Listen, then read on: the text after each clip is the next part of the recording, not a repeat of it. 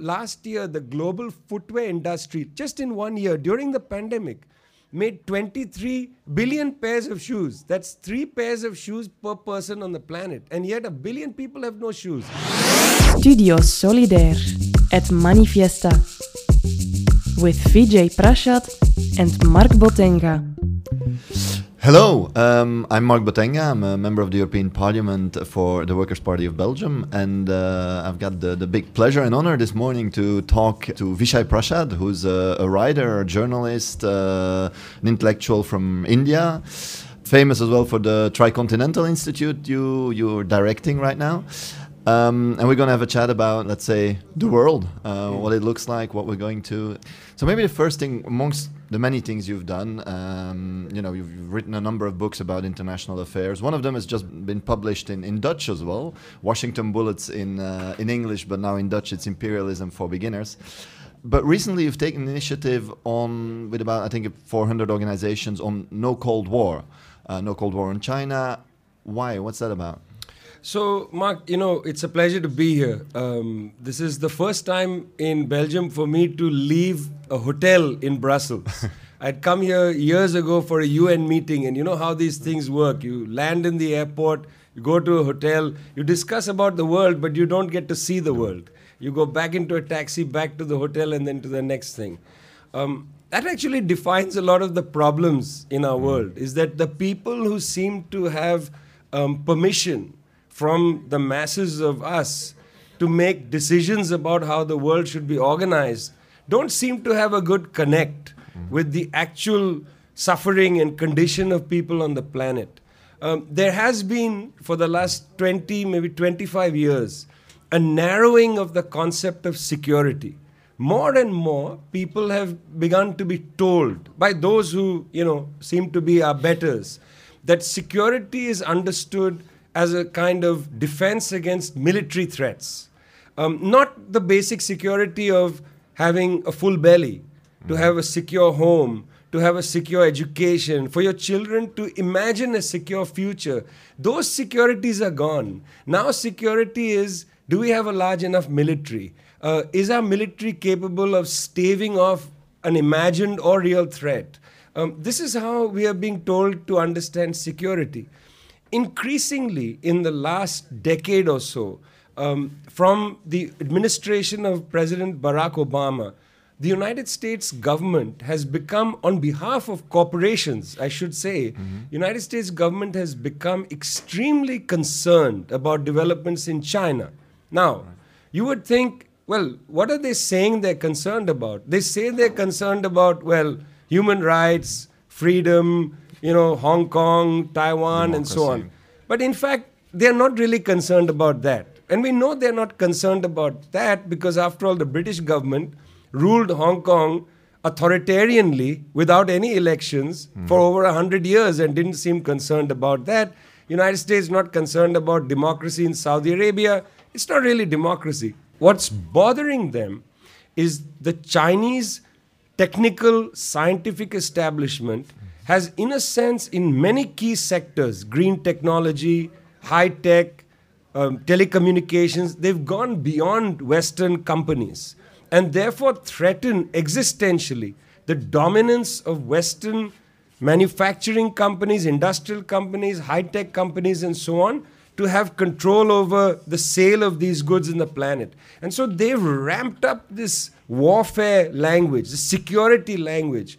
But really, is this what an ordinary person in Belgium should be worried about? This fantasy of China taking away your privacy when your real problems are you don't know how you're going to pay your rent. You don't understand whether your pension is going to be yours or somebody else's. Those securities are no more on the agenda. That's the reason I'm very concerned not just with the rhetoric about China, but what has happened to the idea of security. But you're, you're, you're talking about a Cold War. Now, when I'm thinking Cold War, what I remember is, is, is you know, United States, Soviet Union, you know, which ended uh, 89, 91.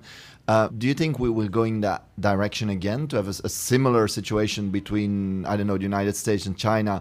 Could it turn into something more? Are you afraid of military confrontation? H- how do you see that? I mean, because. So the issue with the US, USSR, the Soviet Union, was also in the early period, in the 1940s, after 1945, there was a sense that there might be a military confrontation.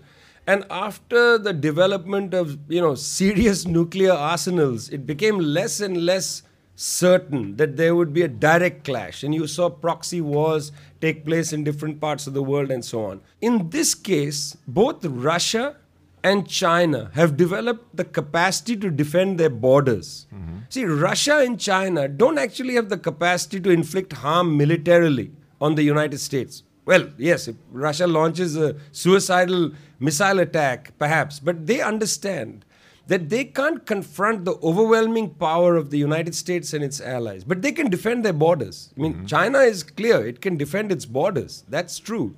So I don't think there's going to be aggression from the Russians or the Chinese to directly militarily confront the United States.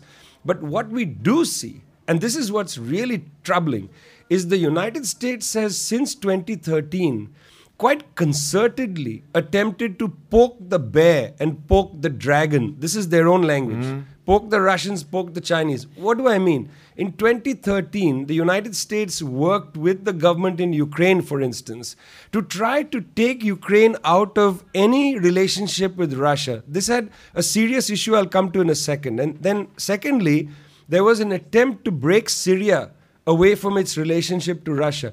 Russia has two principal warm water ports the port in Sevastopol in the hmm. Crimea and the port at Tartus in the coast of Syria. These are the only two warm water ports, substantial warm water ports that Russia has, has access to. The US was trying to take it away. That's the reason the Russians sent military aid to the Syrian government. That's the reason you saw the seizure of, of, of, you know, of parts of the Donbass and Crimea and so on. These are serious attempts at undermining Russian power, military power. With China, every day, US and US related British and some other NATO country warships go close to the Chinese waters. They call these freedom of navigation uh, missions, provoking the Chinese military. I find these very dangerous developments. Like, mm. why can't the United States sit down with the Russians or sit down with the Chinese and have a serious conversation about a range of issues rather than try to provoke them militarily in the Arctic as well. The serious provocation in the Arctic uh, by the United States and its allies against Russian interests. You know, we can discuss whether Russia is behaving appropriately or not behaving mm-hmm. appropriately, China's behaving appropriately. You know, this conversation can happen in a rational fashion. But why does the United States have to bring out the sword at the first instance and shake it around in the UN Security Council chamber and rather than try to sit down and just talk. What is remarkable, by the way, is you know looking at EU foreign policy or the foreign policy of, of European member states, uh, how strongly they align with that policy. Uh, be it by sending fighter jets to the Arctic, be it by or to the the, the Baltic Sea, uh, or indeed supporting the United States missions close to the the Chinese waters. Um, However, what you mentioned was that this all started, or at least started to, to gain some traction under Obama. Now, we've seen that Trump has had a very aggressive uh, stance towards China, uh, but it's not changing with Biden. There seems to be this continuity. Um, how do you explain that? It's very interesting because in the UN, uh, US, United States foreign policy establishment, there's been a long debate about how to use Russia or China against each other. This goes back to the 1940s. When you read the US State Department policy documents, you see they are thinking about let's favor China against the Soviet Union. Mm. And this leads then to Kissinger's mission to Pakistan, Nixon going to Beijing, exacerbating the Sino-Soviet dispute. Kissinger, who's a very famous, let's say, Minister of Foreign Affairs, as we would call him uh, here of, of the United States, you know, for, for many times. In, in Kissinger was the Metternich mm. of American power. You know, he's more than just the Minister of Foreign Affairs. No disrespect to the Minister of Foreign Affairs, but he was the Metternich. I mean, he was. We, we tend to forget how important he's been. He's, I mean, at the time, but you know, today many people here would have forgotten about him. But uh, obviously, he's still he's, alive, he's, and uh, yeah, he's, he's, still alive, and he's still writing writing stuff. So, uh, in fact, when Obama was the president, Henry Kissinger came back with an enormous book called China where he tried to make the argument the United States needs to go back and make a very close relationship to China in order to isolate Russia. Because there's this US vision that if China and Russia get together in Eurasia, it will undermine American power.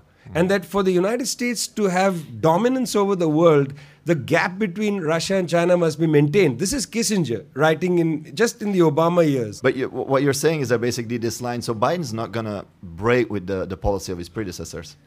I think it's more difficult now because the Obama administration miscalculated. In a sense, Obama, rather than trying to split Russia from China, went after both at the same time with pivot to Asia and then with this aggressive policy of moving NATO closer and closer to the Russian border. You know, there was an agreement made between Shevardnadze and Baker. So that is a famous agreement you speak about. What was in it? Well, those were two ministers of foreign affairs. They were- they were- Edward. Shevardnadze and James Baker. And they said that, okay, the Soviets said, we will allow Germany to reunite. Mm-hmm. But NATO's border on the east will end at German border. It will not go into Poland. It will not, certainly not into Ukraine and so on. That at that point the Soviet Union was still there. But it will end in Germany. This was a gentleman's agreement. The agreement not to extend NATO or, or the influence of NATO up to the, the Russian or the Soviet border then. Yeah, let alone to bring NATO to the South China Sea and to bring NATO into Africa, which is now on the table. That was the general orientation of the agreement. But Obama aggressively moved towards, you know, the Russian border at the same time pivot to Asia. What that had the impact of what that did was brought the Russians and Chinese together. So in the Obama period, the Russians and Chinese settled their decades long border agreement and they signed a Russian Chinese kind of security agreement. They don't say it's a security agreement, but it's a military agreement. They do exercises together, military exercises. There are military sales of arms and weapons on either side. And the militaries are getting closer and closer together. So the very thing that Kissinger said, break them apart, is actually gone the other way.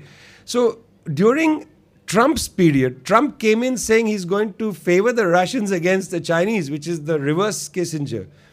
But that blew up in his face because the American foreign policy establishment would not allow Trump to reset the clock with the Russians. So the Russians and Chinese now have a very close bond. At the meeting in St. Petersburg held every year, Putin and Xi Jinping have been greeting each other as old friends and so on. So Biden has no choice now because now Biden cannot go to the Russians and say, look, let's reset the relationship. And he's certainly in no position to reset with Xi Jinping. So this has trapped the United States. And part of the so called declining influence of US power has to do with the not the rise of China, but the new relationship between the Russians and the Chinese. And the Europeans have simply not come to terms with this reality.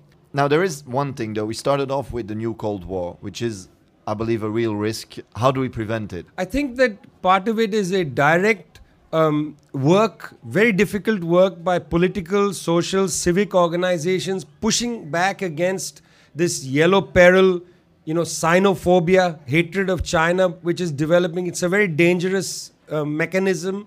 Um, Chinese people outside China getting threatened, beaten, and so on. We see evidence of that in the United States. I find that very disturbing. We've got to push back against the demonization of China. Um, I think that's one thing that we really need to do. We need to make sure that we think about what our militaries are doing. You know, the Belgian government sent 600 troops to Afghanistan. Why? What did they do there? For what reason? You know, Belgium is the home to NATO. NATO is now going to be imagining itself as a global power.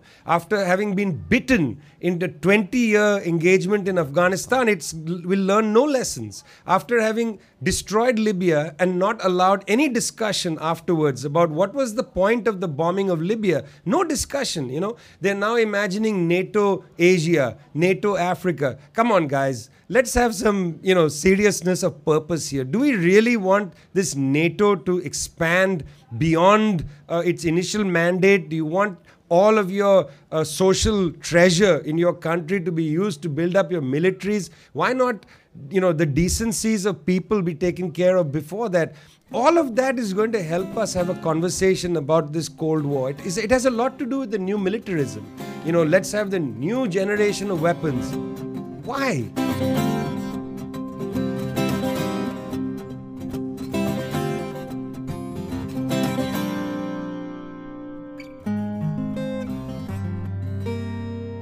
This is, you know, the new reality and, and you know, this, this, this continuity.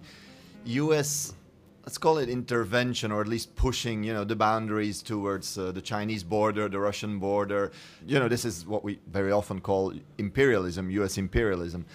You have uh, made the point that you're actually one of those people living on the other side of imperialism how, do you, how would you explain imperialism? What is imperialism really? The way you, you live it as well. I mean, the face of imperialism seen from, from India or from other countries uh, in the south. Well, imperialism is experienced even in the north. So, but let, let's just talk about it in a very simple way. You have a government in Venezuela which has oil that it wants to trade. It wants to trade it in a normal commercial way, but they are being prevented to conduct normal trade. Now, why? Who gives whom the right to prevent you from conducting normal trade? You and I want to trade something. I'm going to give you a book. You're going to give me a handkerchief. It's between the two of us. It's an agreement we make. Somebody comes in between and says, No, we forbid you from taking anything from Marc. Now, what gives you the right? We call those extra economic power. Mm-hmm. You're coming in and interfering with our normal relations. It's a way of sanctioning and, and destroying the economy of another country, basically. Exactly. You know, sanctions are in a very narrow way permitted by the United Nations Charter. What the United States is doing to 30 countries around the world Venezuela, Cuba, Nicaragua, Zimbabwe, Lebanon, Syria, you know, you name it, 30 countries. Those are illegal sanctions because they don't mm. have the kind of narrow authority of the UN, United Nations Charter. That's a form of imperialism. Here's another form of imperialism. If you don't accept what we're saying, if you don't accept our deal, a mining company, US mining company shows up, says, here's the deal on the table. If you don't accept the deal, the ambassador is going to come in, the IMF regional chief is going to come in and they're going to say, well, we're going to make it difficult for you to get an IMF loan. You better take the American deal. That's imperialism. Imperialism mm. is very prosaic. You don't have to have B 52s flying above you, dropping bombs. You know, Yanis Varoufakis, who was the finance minister of Greece, put it very, very well. He said, Today, coups don't happen necessarily by tanks, they often happen by banks.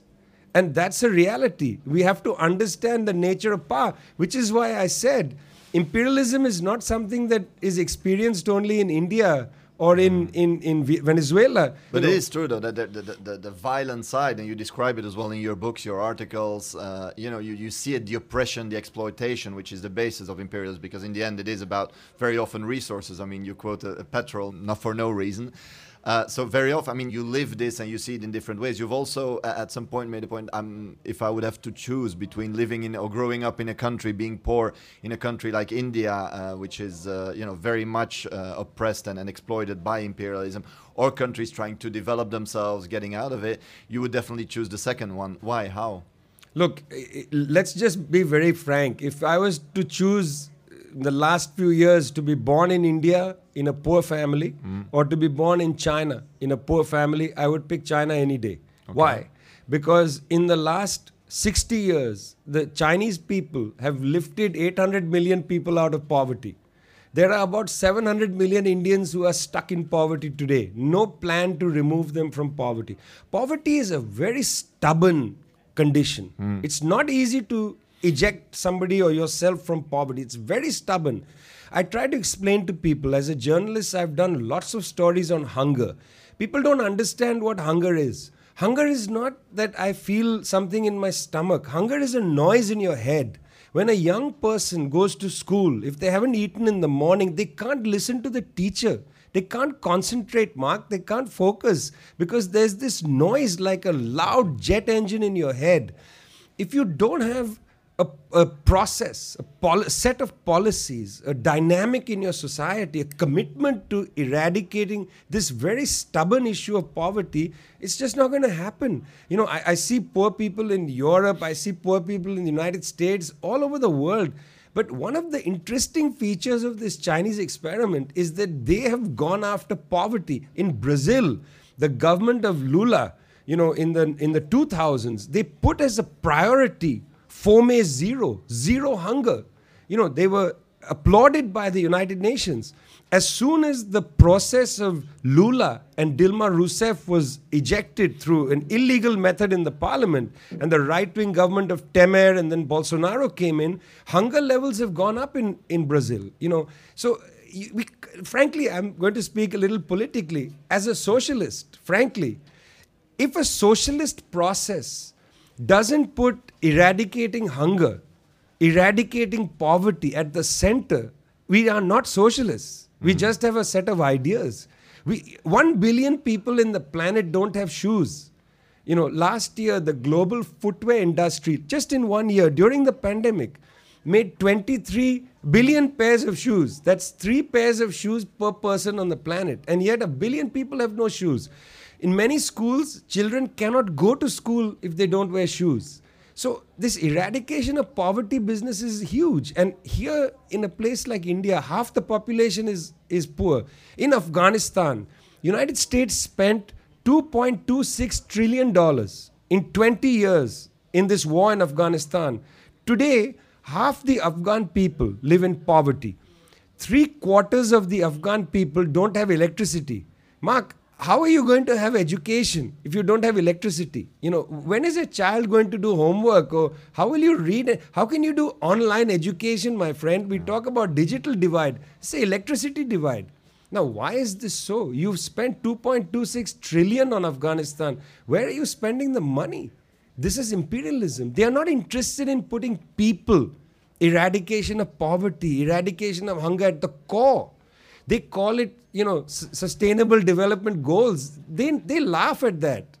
It's a joke for it's, them. it's, it's two different things. I mean, mean Afghanistan's very clear. It's been in, in, in, you know, occupied basically for 20 years, and then you had this entire thing of we're going to build the state, we're going to build democracy, we're going to do, you know, and all of this clearly now uh, collapsed. But if you look at, you know, India is not militarily occupied. Other poor countries are, you know, free countries, democratic countries. Now, in your book, you, you describe how you know there's a number of coups and so on that basically keep these countries under control. How would you link the, the, the struggle against poverty with the struggle against imperialism? What's the, how, how does that work? Well, you see, this is when we have to come to a much more simple category of capitalism.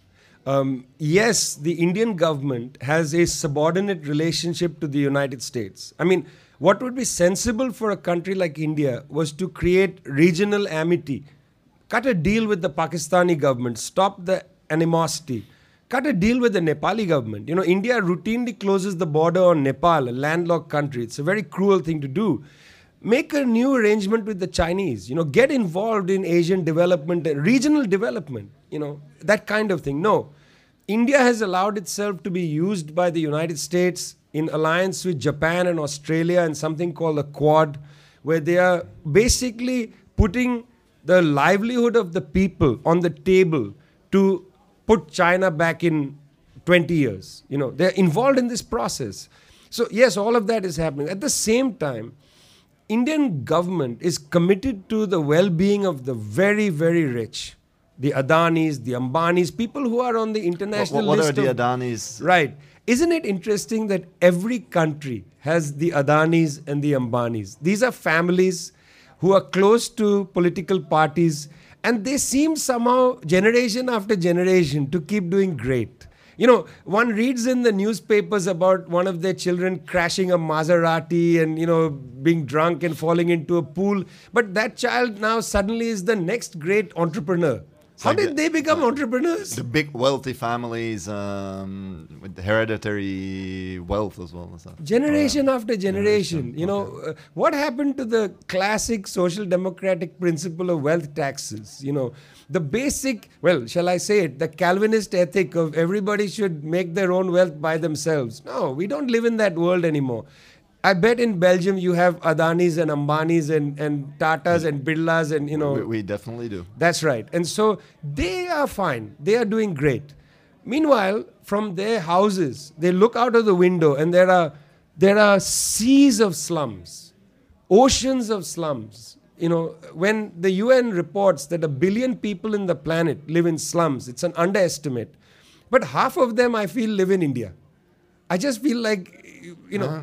85% of the extreme poor live in South Asia and in sub-Saharan Africa. 85% of the world's extreme poor live in just these two parts of the world. There are more extreme poor people in India than in all of sub Saharan Africa. But because of a racist mindset, people think, oh, the poorest people are in Africa. This is a racist understanding of Africa.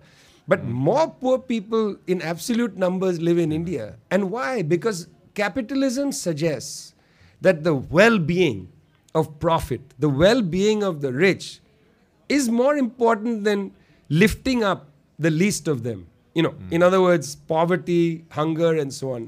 Which is why I say, for a socialist, our politics don't begin in the macro arena. Our politics begin with each person in our country, each individual has to be lifted up, understand that they are dignified people. Now, let me ask you a question. I mean, we, we've, we've, we've talked about the United States, the imperialist nature of the United States, you know, sanctioning, uh, aggressing, and so on. Now, many people would ask, you know, we also see Chinese companies, you know, taking over uh, Western companies, uh, investing heavily in Africa, albeit less ob- obviously than, than than Western or European powers. But still, is, is there not a point to be made, uh, as some would say, that, that China can be considered an imperialist power? Uh, now, you argue very forcefully that it's not, but uh, I'd, I'd be very grateful if you could explain to us why exactly. So there are many different aspects of this that should be seen. Firstly, all Chinese investment is not government investment. There's a lot of private investment. I mean, you know, like any socialist uh, establishment, there are things in the public sector and then there are things that are private. People like to confuse that and talk about Chinese investment. Okay. Now, what are the investments and what are they like? I'll take an example. Let's say here is Zambia and here is a copper mine. The Chinese will come on and put on the table an agreement and they'll say, We would like to have a 20 year agreement um, to mine the copper and we will pay X amount of money and we'll amortize it and we'll have a deal over the years, we'll increase the rates and so on. We can renegotiate after five years and that normal commercial thing. Then they'll say to sweeten the deal, we'll build a road from here to the town, we'll build a hospital, we'll build three schools, and so on. And because we're doing all this, Chinese central financial institutions will provide certain loans to the government. That's a commercial deal. The Americans show up, or the Canadians will show up, and they'll say, We'll give you so much for the mine. And the Canadian ambassador will come along, the IMF chief will come along, and you know, if it were not a landlocked country, there would be a US warship off the coast and so on. These are two deals at the table for the government of Zambia.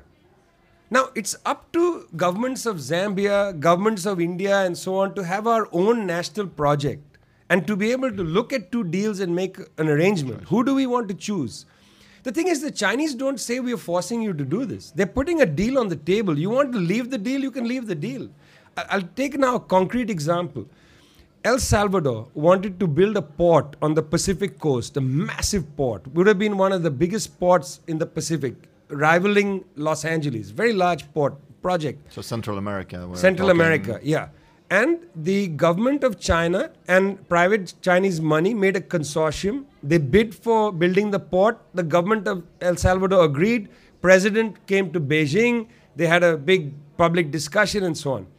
On the way back to El Salvador, he stopped in Japan. At the time, Shinzo Abe was the hmm. premier in Japan. Abe met him privately and told the president, You have to break the deal with the Chinese. The Americans are not happy with you.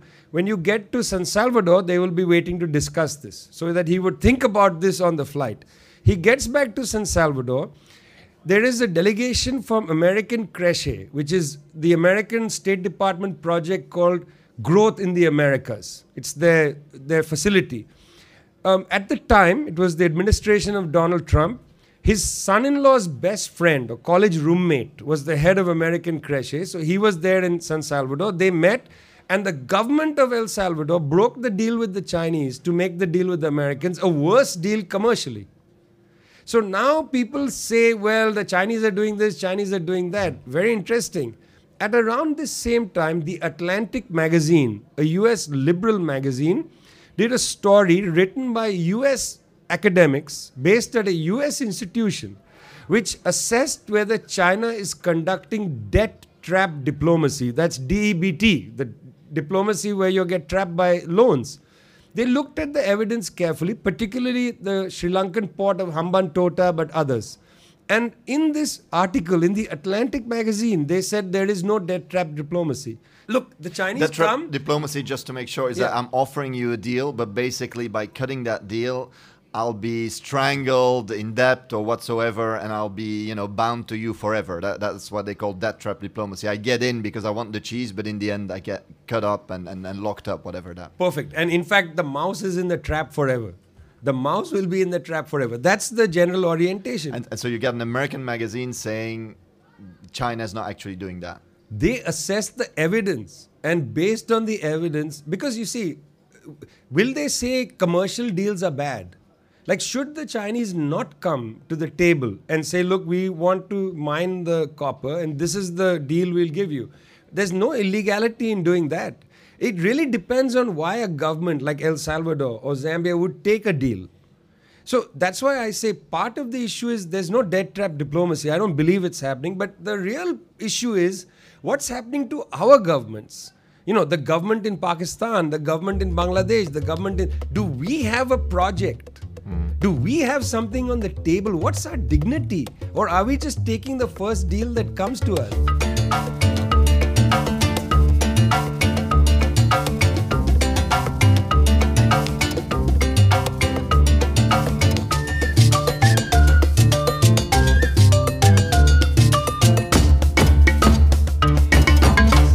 Is interesting because one of the points, obviously, and I'm going back, let's say, to the start of our talk, is that the rise of China also comes with a decline, uh, a relative decline of the power of the United States and of imperialism, you know, and, and imperialism in crisis as such. Now, is that a reason, uh, you know, for, for hope? Or uh, first of all, how do you how do you see the crisis? Are there there elements that you can see? Okay, imperialism clearly is in crisis. And then, then secondly, you know, th- th- this must give us some hope. But I'll, I'll, we'll we'll get to the hope part later. But uh, Well, firstly, I'm not sure imperialism is in crisis as such. Um, nobody will, nobody should doubt that the United States has the mo- world's most powerful military. It can literally destroy any country on the planet. It may not win battles, but it can destroy countries. You know, you can ask the Libyans that, or ask the Iraqis, or ask the Afghans. It didn't win any of these battles. In fact, lost all of them. But they destroyed three countries. Uh, You know, and we can ask the Saudis how they're doing in Yemen. You know, they're obliterating the country. They can't win the battle, however. So the United States has a very powerful military. It still has a lock on the world financial system because, you know, US Treasury Department still dominates the IMF, still dominates the World Bank. The SWIFT system is still taking orders the- from the- Washington. The, the SWIFT, just to make clear, Yes. is an, an international system of payments.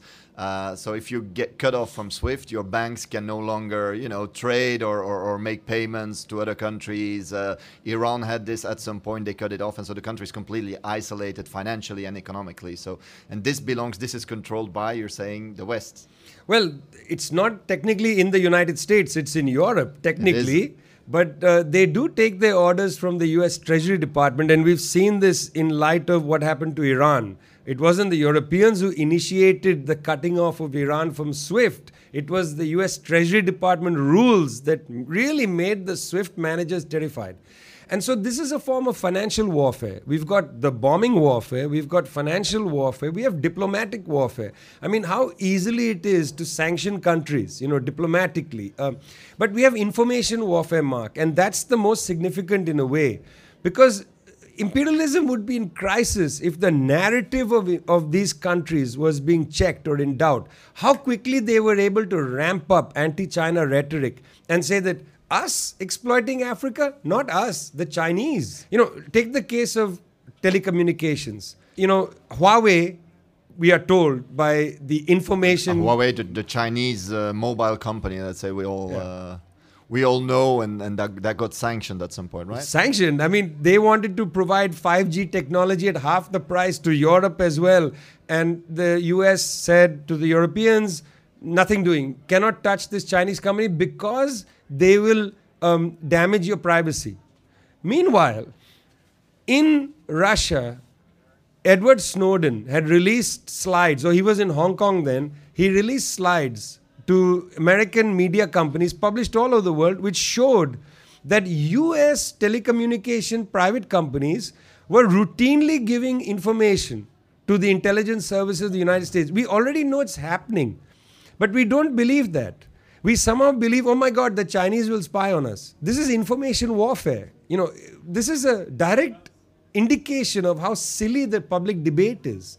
So imperialism is not in crisis. It's able to manipulate information so cannily, so quickly. It's able to say to me, oh, you are a Chinese agent. See, why can't I go on a news program somewhere and say, but, but listen, you're asking me these offensive questions. I say to the broadcaster, you're an embassy of the United States. But he will say to me, no, you are from the Chinese embassy. You see, information war is an asymmetrical thing. Yeah. They can easily color you and, and pillory you and say you're wrong, but in fact, the evidence suggests Mike Pompeo said Huawei Mike might Pompeo, do this. who has- U.S. Secretary of State. Yeah. And previously at the CIA. he was the head of the CIA and will likely be the next president of the United States. Uh, Mike Pompeo, it's a It's, It's a it- likelihood. it- it's all on record, so you know we'll come back to you afterwards. it's a likelihood. Mike Pompeo said that China might deliver information. Huawei might deliver information to the Chinese government. He didn't say it will, he said might. That was a public statement. But at the same time as he said that, we already knew what Snowden had revealed. And yet the US media, CNN and so on, didn't pick that up. They just said, oh my God, the fear of the Chinese stealing our information. I was very interested in how limited the context setting is. And that's how information That- war that- takes that- place. That is a powerful technique. You know, you're pointing someone else rather than looking at what your own government or whatsoever is doing. However, you know, if, if you're saying that it's not really that much of a crisis, or at least their, their power to destroy or, or to convince is, is very strong, you know, we need hope. You know, we need to, we need struggle, we need hope, and there is hope because there is a lot, and you write about that in, in, in different of, your books and your articles about the resistance to the system, um, which is, I believe, increasing, and, and, and you know, many of, uh, of, of the organizations you, you, you daily work with um, are active in this resistance. Now, now, how do you see that develop? How, how, are, how is this resistance going? Is it, is it growing? Well, we are at the Manifiesta, which is an incredibly hopeful event. I mean, at every tent, there are people bringing on the table interesting new ideas to change the world. Uh, last night, Peter Mertens' speech was very powerful and it offered a way forward, talking about climate, talking about real democracy, about decency and how people should behave. I mean, we are surrounded by hopefulness in that sense. Tens of thousands of Indian farmers have been sitting on strike essentially against the Indian government for the last eight months. You know, they've been sitting around Delhi. We call it the Delhi Commune. You know, it's the new commune 150 years after the to the Paris, Paris Commune. Commune. 150 Okay. years uh, tribute is being given by the Indian farmers. You know, um, in many different ways, people are fed up with the present. You know, we want to generate a future. We are fed up. Uh, we are part of a process called the International People's Assembly, large network of political, social movements joined together, trying to imagine what can the future look like. We are constituting something called Dilemmas of Humanity, which will be debates and discussions globally about new ways forward. Um, you know, on the 8, 16th of October, 25 research institutes led by ALBA TCP, which is the Bolivarian area, the nine countries that are united in a treaty, a mutual treaty, Cuba, Venezuela, Nicaragua, and so on. We will release a document called A Plan to Save the Planet.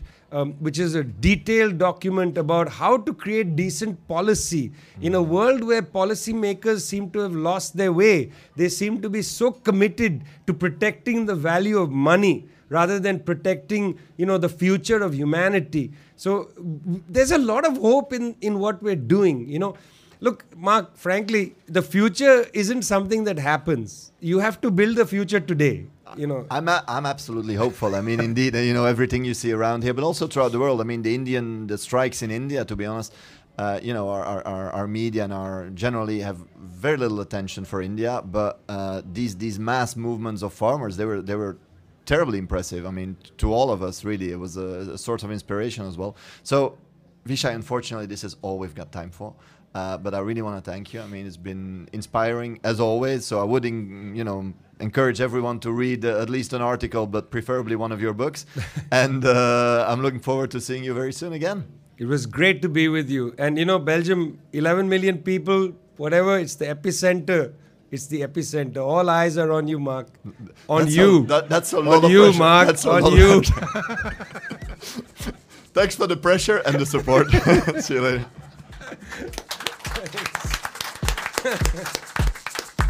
Studio Solidair.